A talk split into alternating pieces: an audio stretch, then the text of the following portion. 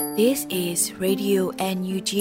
the voice of National Unity Government of Myanmar, broadcasting for Myanmar's Spring Revolution. Radio NUG is transmitting from shortwave 16 meter 17.79 megahertz at 8:30 a.m. and 25 meter 11.94 megahertz at 8:30 p.m. Myanmar Standard Time. မင်္ဂလာပါရှင်အမျိုးသားညီညွတ်ရေးအစိုးရရဲ့အတန်လွတ်ဌာနရေဒီယို NUG ကိုမန္တပိုင်း၈နိုင်ခွဲမှာလိုင်းတူ6မီတာ19.7ခွန်ကုန်းမဂါဟတ်စ်နဲ့ညပိုင်း၈နိုင်ခွဲမှာလိုင်းတူ25မီတာ17.6ကိုလီမဂါဟတ်စ်တို့မှာဓာတ်ရိုက်ဖမ်းယူနားဆင်နိုင်ပါပြီရှင်မင်္ဂလာအပေါင်းနဲ့ကြည့်ကြကြပါစို့အခုချိန်ကစပြီး Radio NUG စီစဉ်လေးကိုဓာတ်ရိုက်အတန်းနဲ့ပြင်နေပါပြီ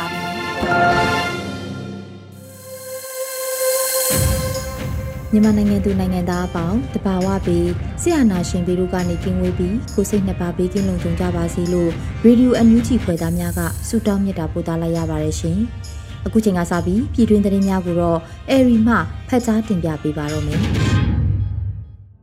မင်္ဂလာပါရှင်အခုချိန်ကစပြီး Radio NUG ညခင်းသတင်းများကိုတင်ပြပေးတော့မှာဖြစ်ပါတယ်အခုတင်ပြပေးမယ့်သတင်းတွေကိုတော့ Radio NUG သတင်းတာဝန်ခံနေနဲ့ခိုင်လုံတဲ့မိဖက်သတင်းအရင်းမြစ်တွေကနေအခြေခံထားတာဖြစ်ပါတယ်ကျွန်မကတော့ Airy ပါရှင်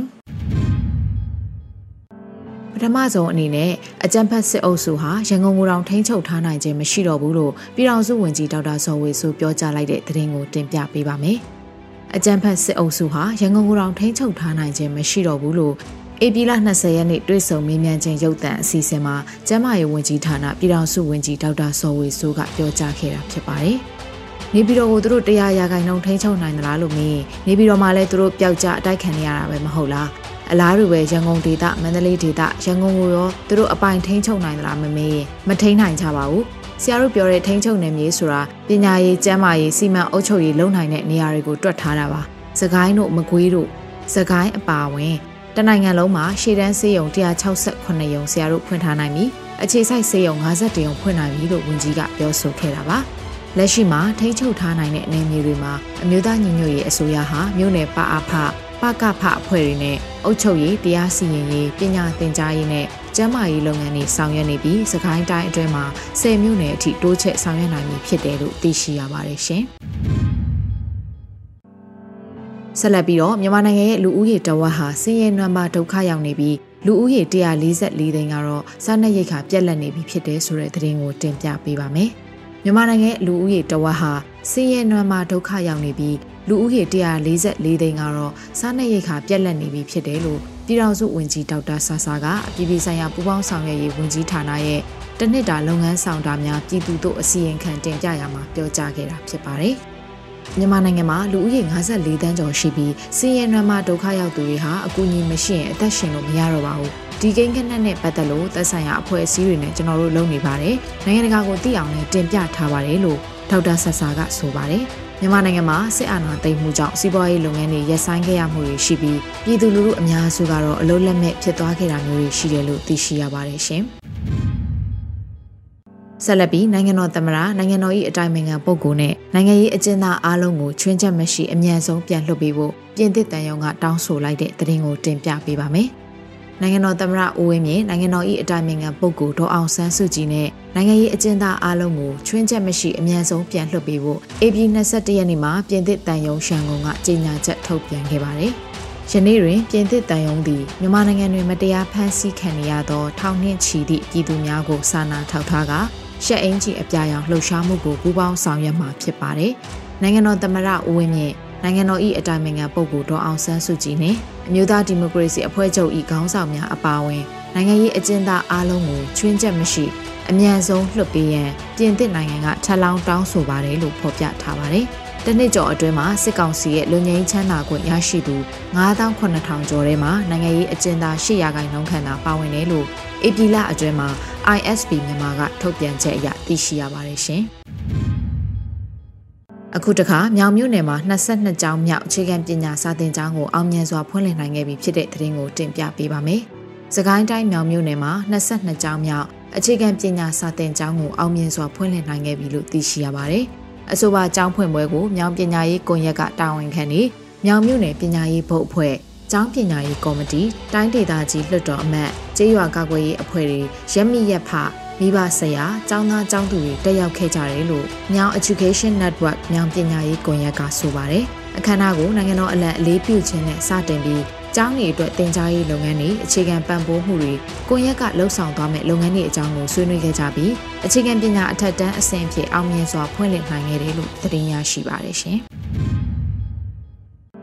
ကမာရွတ်ရဲစခန်းဘုံပေါက်ကွဲတဲ့အတွက်စခန်းထဲမှာရန်တပ်ပစ်ခတ်မှုကြောင့် အရက်သားတအူသေဆုံးခဲ့တယ်ဆိုတဲ့သတင်းကိုဆက်လက်တင်ပြပေးပါအောင်မယ်။ AP 21ရက်နေ့မနက်ပိုင်းမှာရန်ကုန်မြို့ကမာရွတ်မြို့နယ်ရဲစခန်းမှာဘုံပေါက်ကွဲခဲ့ပြီးစခန်းနဲ့ရန်တမ်းပစ်ခတ်မှုကြောင့်အရက်သားတအူသေဆုံးခဲ့တယ်လို့ Dark Shadow အဖွဲ့ကပြောပါတယ်။ရဲအထိကိက်ကရှိနိုင်တယ်။ဒါကြောင့်ရန်တမ်းပစ်ခတ်တာပါရရလူဖမ်းမိအောင်လို့ပါလို့ဆိုပါတယ်။ဘုံပေါက်ကွဲမှုဖြစ်ပွားပြီးနောက်ရဲစခန်းအတွင်းကနေရန်တမ်းပစ်ခတ်တဲ့အတွက်အရက်သားတအူကားပေါ်ထိမှန်တေဆုံးခဲ့တယ်လို့ဒေသခံတွေကဆိုပါတယ်။ စခန်းထဲကရဲတော့တေးမတေးမသိသေးဘူး။ကောင်လေးတယောက်ကားထဲတည်တယ်လို့ကမာရွတ်မြို့နယ်နေထိုင်သူအမျိုးသမီးတအူကပြောပါတယ်ရှင်။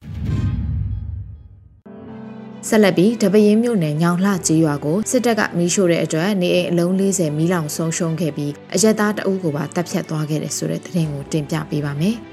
ဧပြီ20ရက်နေ့မှာတပင်းမြို့နယ်ညောင်လှကျေးရွာကိုစစ်တပ်ကနေရာ3နေရာခွဲပြီးမီးရှို့ခဲ့တဲ့အတွက်နေအိမ်အလုံး40မီးလောင်ဆုံးရှုံးခဲ့ပြီးအရက်သားတအုပ်ကိုပါတပ်ဖြတ်သွားခဲ့တယ်လို့ တပင်းမြို့နယ်ညီနောင်များအဖွဲ့ကဆိုပါတယ်။ AP 20ရက်နေ့ကပစိုးနဲ့လက်ပြန်ကျိုးတုပ်ပြီးအရက်သားကိုနေမျိုးဦးကိုအကြမ်းဖက်စစ်တပ်ကဖမ်းဆီးတပ်ဖြတ်ခဲ့တာဖြစ်တယ်လို့သိရှိရပါတယ်ရှင်။ဆက်လက်ပြီးကဏီမျိုးကရေလေကျွန်းကိုရိတ်ခါလာပို့တဲ့စစ်ကောင်စီတပ်ဖွဲ့ရှင်တန်းကိုကာကွယ်ရေးတပ်ဖွဲ့တွေပျောက်ကြားတိုက်ခိုက်တဲ့အတွက်စစ်ကောင်စီတပ်ဖွဲ့ဝင်တအူးသေဆုံးပြီး၄ဦးပြင်းထန်စွာဒဏ်ရာရရှိသွားတဲ့တဲ့တင်ကိုတင်ပြပေးပါမယ်။ AB 20ရက်နေ့မနက်9:00နာရီအချိန်စကိုင်းတိုင်းကဏီမျိုးကနေရေလေကျွန်းကိုရိတ်ခါလာပို့တဲ့စစ်ကောင်စီတပ်ဖွဲ့ရှင်တန်းကိုပျောက်ကြားစစ်စင်ရေးတိုက်ခိုက်ခဲ့ရမှာစစ်ကောင်စီတပ်ဖွဲ့ဝင်တအူးသေဆုံးပြီး၄ဦးပြင်းထန်စွာဒဏ်ရာရရှိသွားခဲ့တယ်လို့အာနာရှင်တော်လှန်ရေးပြည်သူ့တပ်မတော် DPRA ကဆိုပါတယ်။နေ့လယ်တနာရီအချိန်မှာမဟာမိတ်အင်အားစုတွေအထိခိုက်မရှိပြန်လည်ဆုတ်ခွာနိုင်ခဲ့တယ်လို့လည်းသိရှိရပါတယ်ရှင်။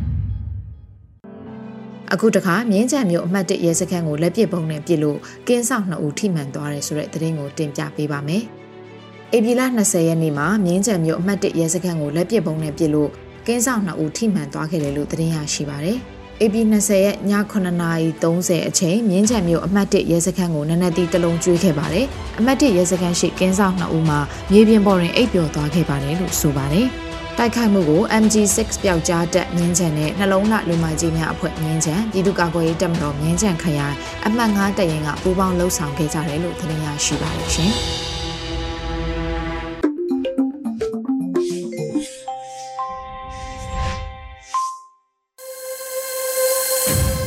ရေဒီယိုအန်ယူဂျီရဲ့ညပိုင်းစီစဉ်လေးကိုဆက်လက်တင်ပြနေပါတယ်။အခုဆက်လက်ပြီးနေသွင်းနိုင်ရေးသားတဲ့ ငါသာစစ်သားစစ်စစ်တယောက်ဆိုရင်ဆိုတဲ့ကြပြကိုနေဦးမိုးမှဖတ်ကြားတင်ပြပေးထားပါရရှင်။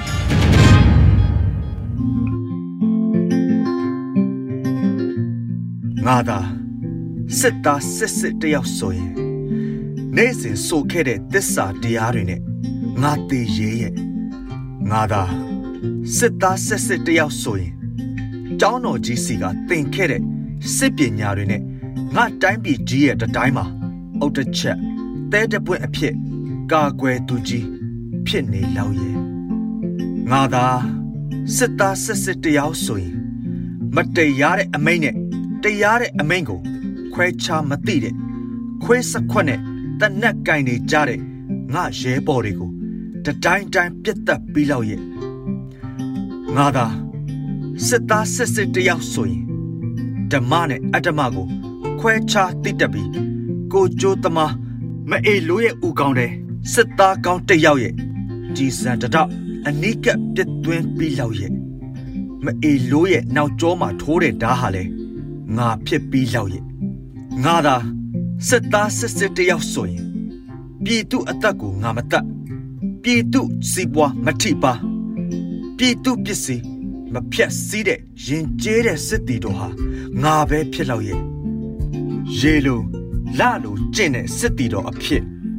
ရှက်ကြောပြက်နေတဲ့တက်ဆက်ဖောက်လောက်ကောင်တွေရဲ့ပခုံးသားအထက်ကကျဲပွင့်တွေကို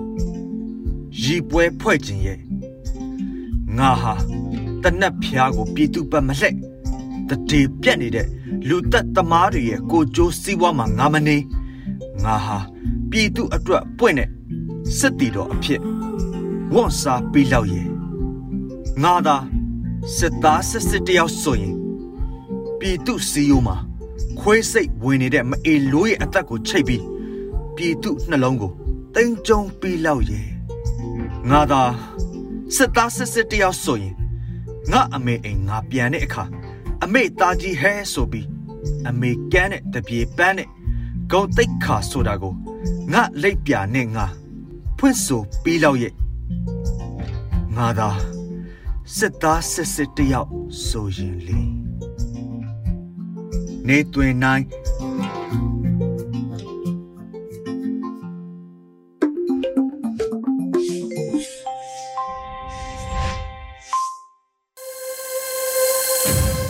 ရေဒီယိုအန်ယူဂျီရဲ့ညပိုင်းစီစဉ်လေးကိုဆက်လက်တင်ပြနေပါတယ်။အခုဆက်လက်ပြီး PDF စကားသံအပိုင်း3ရဲ့ဒုတိယပိုင်းကိုတော့အရီမှမင်းမြန်းတင်ဆက်ပေးထားပါတယ်ရှင်။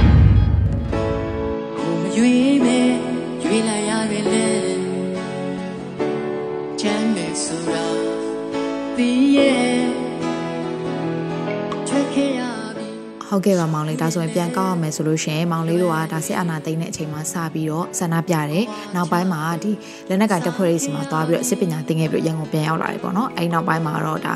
အချိန်ကြီးအကြောင်းရင်းကြောင့်မလို့ဒါပြန်ရှောင်ရတဲ့အနေအထားရောက်လာတဲ့အခါမှာအခုရောက်နေတဲ့ဒီစခန်းပေါ့နော်စခန်းမှာဒီ medical team အနေနဲ့ပါဝင်ပြီးတော့ဆောင်ရွက်ပေးနေတယ်ပေါ့နော်ဟုတ်ကဲ့ပါအဲ့ဒီစခန်းရဲ့အနေအထားလေးရောနည်းနည်းလောက်ပြောပြလို့ရလို့ရှိရင်ပြောပြပေးပါဦးကျွန်တော်တို့ရောက်ပြီးတော့တိတ်မကြဘူးဗျအဲ့ရွာကိုဒါ ခွေးတွေဝင်မှွေတယ်ဝင်မှွေတော့ကျွန်တော်တို့အဲ့ရွာပေါ့နော်တချို့ဒေသအဲ့ရွာရဲ့ရွာကန်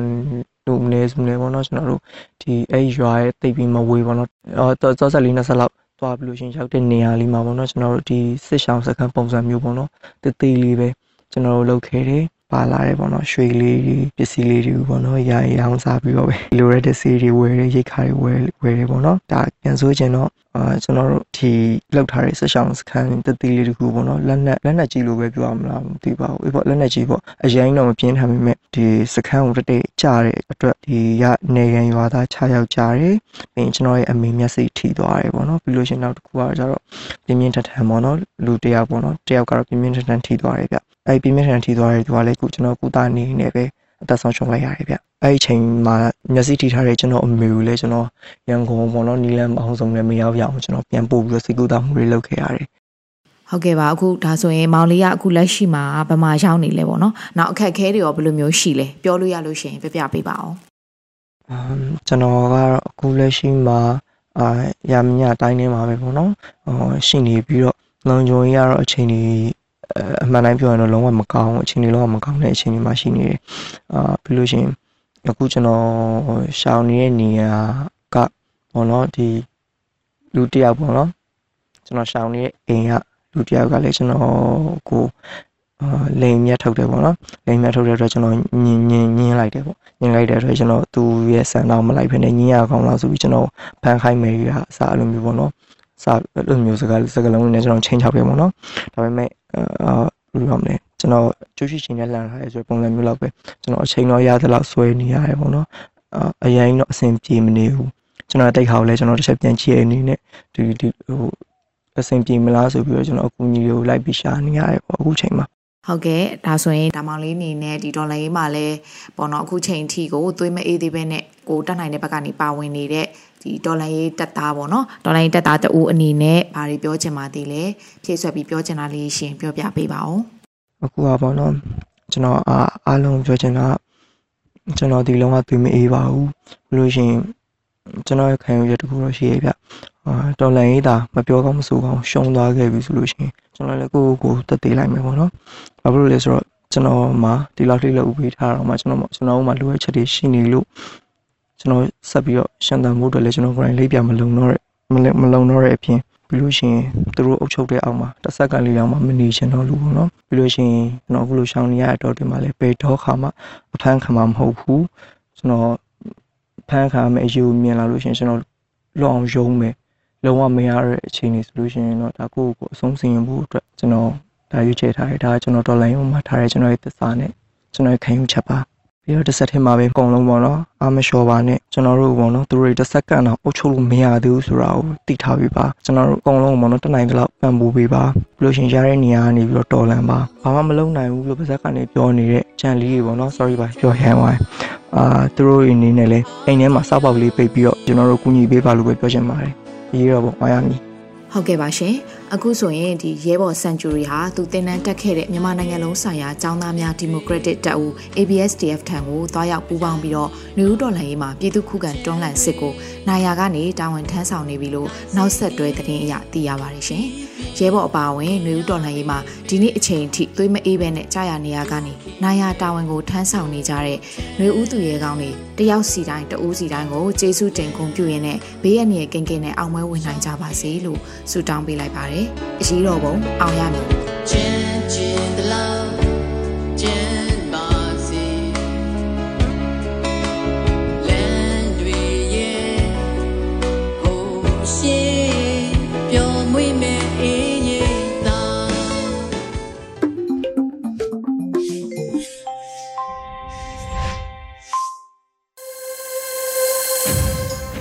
န်ယူဂျီပရိသတ်တွေအတွက်တယောဇာကဏ္ဍအစီအစဉ်အနေနဲ့တက်ပြက်လူလူဖို့တက်ဖို့အပိုင်း52ကိုအောင်နေမျိုးမှတင်ဆက်ပေးမှာဖြစ်ပါတယ်ရှင်။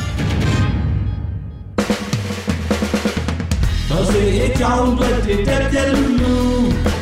မထူးစားခင်းနေပါဘိုးတက်ဘူးတက်ပြက်လူလူ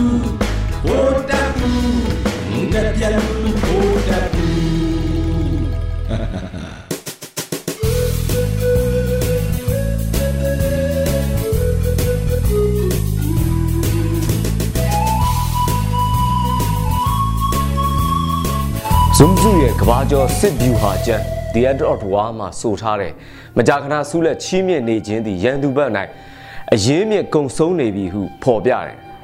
နေ့တည်းမှာဗိုလ်တပ်ဘူးကျင်ဆိုးတယောက်ကတော့စူးတစိတ်တွေပေးနေတယ်လေသူ့ကိုယ်သူတော်မှစူးနှစ်စုထပ်ပေးနေတယ်တဲ့သူဘောသူပြန်ရိုက်ပြီးဂျေနဲ့နေတဲ့ကြောင်တစ်ကောင်လုံးပေါ့ဗျာလွတ်လပ်ရေးရပြီး85နှစ်တာ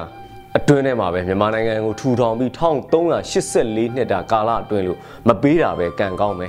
နှမို့ဆိုနော်အထာကိုပါသူကစူးတစိတ်တွေပေးရင်ပေးနေဦးမှာဘိုးနေဝင်းကိုကြပေးပြီးမိခင်ညွန့်ကိုကြတော့မပေးဘူးလေသူပေးခြင်းနဲ့သူကြပေးသူ့ဘက်ပါမယ်ထင်တဲ့သူတွေကိုကြတော့တန်းစီကိုပေးပြလိုက်တော့တာပဲတနည်းအားဖြင့်ပြောရရင်တော့ကလေးတွေကိုမုံကျွေးပြီးတော့ဂိုင်းဖွဲ့နေတဲ့သဘောပါပဲလွတ်ချင်တိုင်းကိုပလက်ကကျွတ်နေတော့တာပဲ ဒေါင်ဖေးဇကားတွေကဟစ်တလာကြီးတေကန်ဒီမှာလက်တုံတုံကြီးကြီးနဲ့စုတစိတ်တွေပေးနေတယ်လို့ပဲလေမပုတ်ကျွတ်ကိုကြတော့စုတွေပေးပြီးပြန်သိမ်းနေတဲ့သူပြောသလိုစိတ်ကောက်တာလေမိမကြီးကြနေတာပဲအဲ့ဒီကြက်မပြေတဲ့ဗိုလ်တပ်ဘူးကျင်ဆိုးတယောက်ကစူပေးတန်းကစားနေချိန်မှာပဲ NUG ရဲ့ကာဝန်ဘိုယီမွန်ကတော့ France line ထဲကိုရောက်နေတဲ့ပုံတွေတက်လာနေပြီလေဗိုလ်တပ်ဘူးကျင်ဆိုးကတော့မုံလက်ဆောင်နဲ့တာကူစိတ်ကောင်ပဲ ရေနံနဲ့ပူစီနန်ကြီးနဲ့ကဲနေတော့မှာပဲ front line ထဲကိုရောက်ဖို့ဝေးစွာတက်ရင်တက်မှဌာနချုပ်ကိုတောင်သွားတဲ့ကောင်မဟုတ်ဘူးကျင်ဆိုးနဲ့စိုးဝင်းတို့ဟာ NUG ကာဝန်ကြပြဆရာရှက်ကကြီးချီကိုတောင်မှစားသင့်နေပြီလေဘိုယီမွန်တယောက်ရှေတန်း PDF စခန်းတွေမှာအပြီးပဲနေနေခဏပဲလာလာဒီလိုအခြေအနေမှာဒီလိုနေရလာတာကလေးစားစရာကောင်းနေပြီ NUG ဟာဟောလိဝုဒ်မာတို့အဝေးရောက်ဆိုးရတို့တမုတ်နေတဲ့လူတွေအတွက်တော့တခွက်ပြလိုက်တာပဲ စကောင်စီတက်တွေကလည်းဟာကနေကိုဖြစ်သွားတော့တာပဲ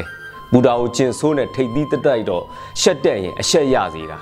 ကိုလိုတော်ထဲမှာမဟုတ်တဲ့လူတော်တော့ခုလိုမိုဒီတွေရနေမှာတော့ front line က fighter တွေအတွက်စိတ်သက်တွေကတော့မြင့်တက်နေတော့မှာပဲစစ်ကောင်စီတက်ဟာခင်မီတော့တဲ့ view ဟာတွေသုံးရင်းနဲ့ပြည်ုပ်လုံးလိုလုံးပါပနေရပြီကွန်မန်ဒါတွေကလည်းကိုလက်အောက်ငယ်သားတွေကိုစေနာမထားမစာနာပဲချနေုံတက်တက်ပဲလုပ်နေကြတယ်လေ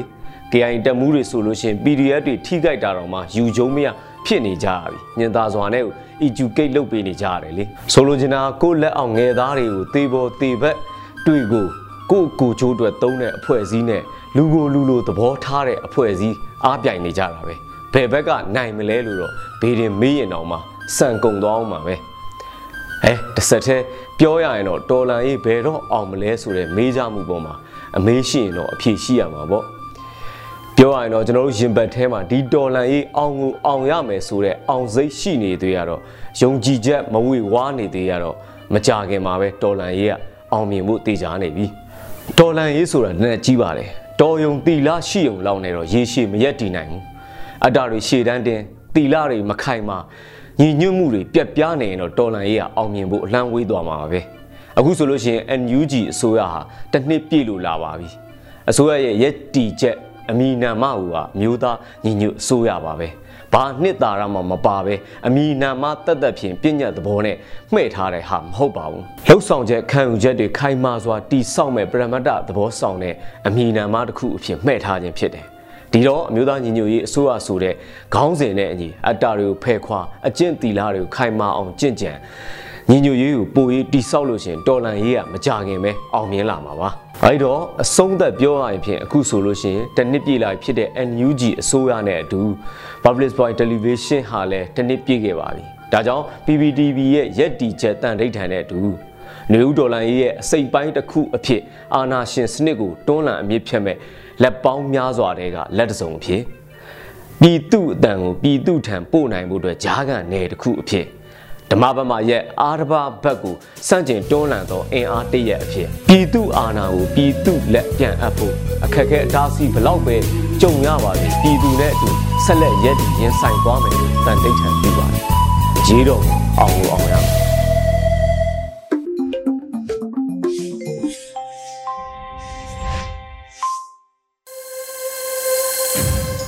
ဒီနေ့ရဲ့တော်လန်ရေးတေးဂီတာစီစဉ်မှာတော့ နှောင်းထက်အောင်ရဲ့အတေကန်တိုက်ပွဲလို့အမည်ရတဲ့တေးဂီတာကိုနားဆင်ကြရမှာဖြစ်ပါရဲ့ရှင်။"ရှေ့ရ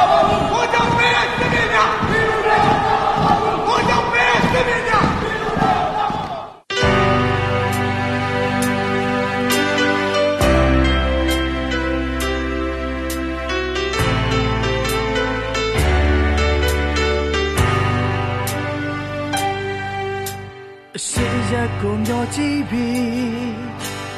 ရောင်ရီတန်းချိန်တန်ပြီးငါတို့အတွေ့ထဲမှာဘာမှမရှိအသွေးအသားတွေနာပြီးမပြီးဆုံးခင်အချိန်လေးပေါ်မတန်မရာရင်ခံရှာပြီးရဲရဲနီအမှန်တတိထာဝရအတွက်တည် အာခံမဲ့ဖန်ချင်ဖန်သက်ချင်သက်ဒီအမှန်တရားအတွက်လက်တွေနဲ့မောင်လေးတစ်စိလာမတာပဲဒီမထောက်ဘူးတော်လန်မဲ့အစောတပ်လိုက်လေခံရသည်ရဲရဲနီအမှန်တတိထာဝရအတွက်တ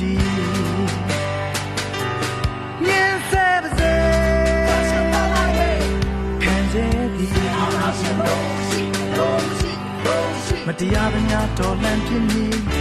ထာဝရအတွက်တည်တောင်တော်ရန်ဆုံးမြေတဲ့ညီညံပြီးတွမ်းပြီးစံညီပြေးခြင်းညီငါတို့တည်ထာဝရအတွက်တည်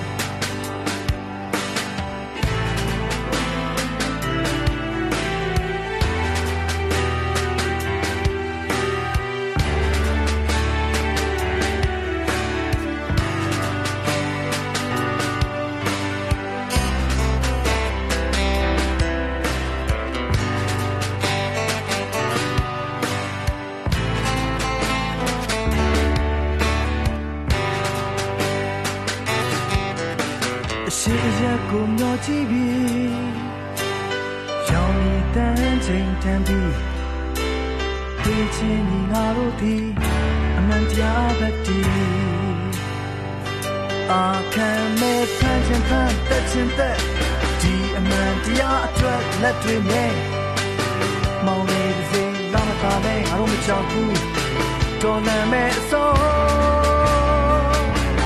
တတ်ကလိုက်လေခံရဲ့ဒီရှင်ရှင်ဒီအမှန်တည်းဒီထာဝရအတွက်ဒီမြင်စေပါစေခံရဲ့ဒီမတရားတဲ့များတော်လန့်ပြင်းမီ ထာဝရအတွက်တည်တပ်တလိုက်လေခံစေသည်ရဲရဲနေအမှန်တတ်တည်ထာဝရအတွက်တည်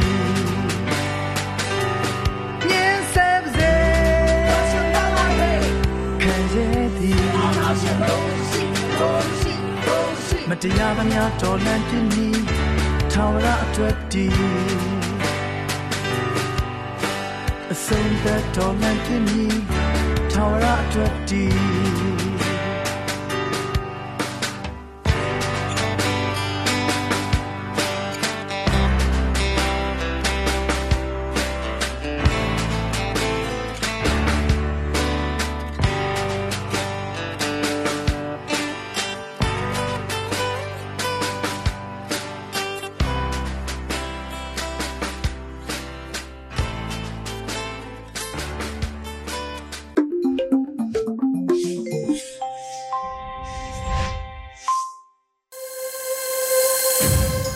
ဆက်လက်ပြီး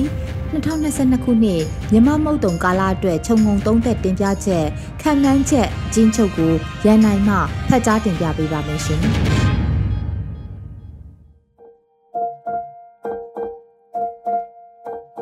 မုတ်တုံကာလအတွက်ခြုံငုံသုံးသက်တင်ပြချက်ခန့်မှန်းချက်ကျဉ်းချုပ်ကိုကျွန်တော်ရန်နိုင်ကတင်ဆက်ပေးပါမယ်။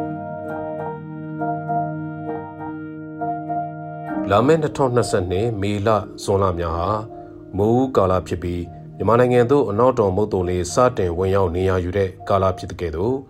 မိုးမိုးရွာသွန်းစေတဲ့ကာလလည်းဖြစ်ပါတယ်။ယခုနှစ်အတွက်အဆိုပါမိုးကာလမှာဘင်္ဂလားပင်လယ်တောင်ပိုင်းမှာလေပြင်းနဲ့ရဝန်း၃ကြိမ်ခန့်ဖြစ်ပေါ်လာနိုင်ပြီးတစ်ချိန်မှာမုန်တိုင်းငယ်အဆင့်သို့ရောက်ရှိနိုင်ပါတယ်။နောက်တော်မုတ်တုံလေးဟာမြန်မာနိုင်ငံတောင်ပိုင်းနယ်ကပလီပင်လယ်ပြင်တောင်ပိုင်းသို့မေလ18ရက်မှ21ရက်အတွင်းမှာ၎င်းမြို့ဝကျုံမော်ဒေသများနဲ့ ဘင်္ဂလားပင်လယ်ော်အရှေ့တောင်ပိုင်းသို့မေလ24ရက်မှ29ရက်အတွင်းမှာ၎င်းမြန်မာနိုင်ငံအလဲပိုင်းနဲ့ဘင်္ဂလားပင်လယ်ော်အလဲပိုင်းသို့မေလ29ရက်မှဇွန်လ2ရက်အတွင်းမှာ၎င်းမြန်မာနိုင်ငံမြောက်ပိုင်းနဲ့ဘင်္ဂလားပင်လယ်ော်မြောက်ပိုင်းသို့ဇွန်လ10ရက်မှ17ရက်အတွင်းမှာ၎င်းဝင်ရောက်နိုင်ပါတယ်။ဇူလိုင်ဩဂုတ်လများဟာမိုးလေကာလဖြစ်ပြီးအနောက်တော်မုတ်တုံလေးအားအကောင်းဆုံးကာလဖြစ်ပါတယ်။မုတ်တုံမိုးဟာတပြေလုံးပြင်းပြင်းနှက်နှက်ရွာတဲ့ကာလဖြစ်ပါတယ်။ယခုနှစ်ဟာ လာနီညာတကြောပြန်အားပြန်တက်တဲ့ကာလဖြစ်လာနိုင်တဲ့အတွက်မိုးလေကာလမိုးရော့နိုင်တယ်လို့မြည်ရည်ကြီးမှုလည်းတက်တာနိုင်ပါတယ်။ပုံမှန်အားဖြင့်မိုးလေကာလမှာဘင်္ဂလားပင်လယ်မြောက်ပိုင်းမှာမုတ်တုံမုန်တိုင်းငယ်များနှစ်ကြိမ်မှသုံးကြိမ်ခန့်ဖြစ်လေရှိပြီးမုတ်တုံမိုးကိုလည်းသဲထန်စေပါတယ်။ဒီခုနှစ်ဟာမိုးရွာသွန်းမှုခန့်မှန်းချက်များအရမိုးလေမှုမကောင်းနိုင်တဲ့အတွက်ကြောင့်မုတ်တုံမုန်တိုင်းများဖြစ်ပေါ်လာနိုင်ခြင်းနဲ့ပင်လည်းမိုးလေကာလမှာအင်အားမကောင်းတဲ့ မုတ်တုံမုန်တိုင်းငယ်နှစ်ကြိမ်ခန့်ဖြစ်ပေါ်လာနေပါတယ်။သတိပြုရအချက်များအနေနဲ့ယခုနှစ်မှာလာနီညာရဲ့ပုံမှန်မဟုတ်တဲ့အင်အားပြန်ကောင်းလာနိုင်မှုကြောင့်မြန်မာနိုင်ငံအပါအဝင် အာရှတိုက်အတွင်းရှိမိုးစဝါးစိုက်မဲ့လယ်သမားများမိုးဦးကာလစိုက်ပျိုးရည်လိုအပ်မှုပမာဏကြီးမားလာနိုင်တာကိုသတိပြုစေလိုပါတယ်။မိုးနှောင်းကာလအတွက်ဆက်လက်သုံးသက်ထုတ်ပြန်ပေးမှာဖြစ်ပါတယ်ခင်ဗျာ။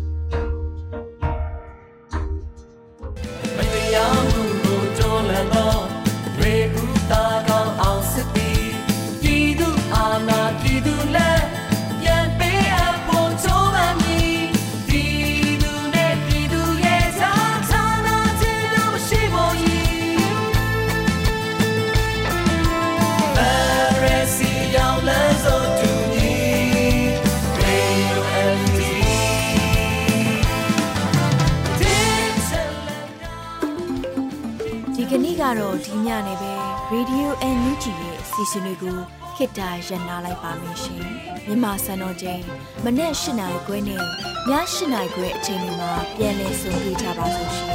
Radio NUG ကိုမနေ့ပိုင်း၈နိုင်ခွဲမှာလိုင်းတူ16မီတာ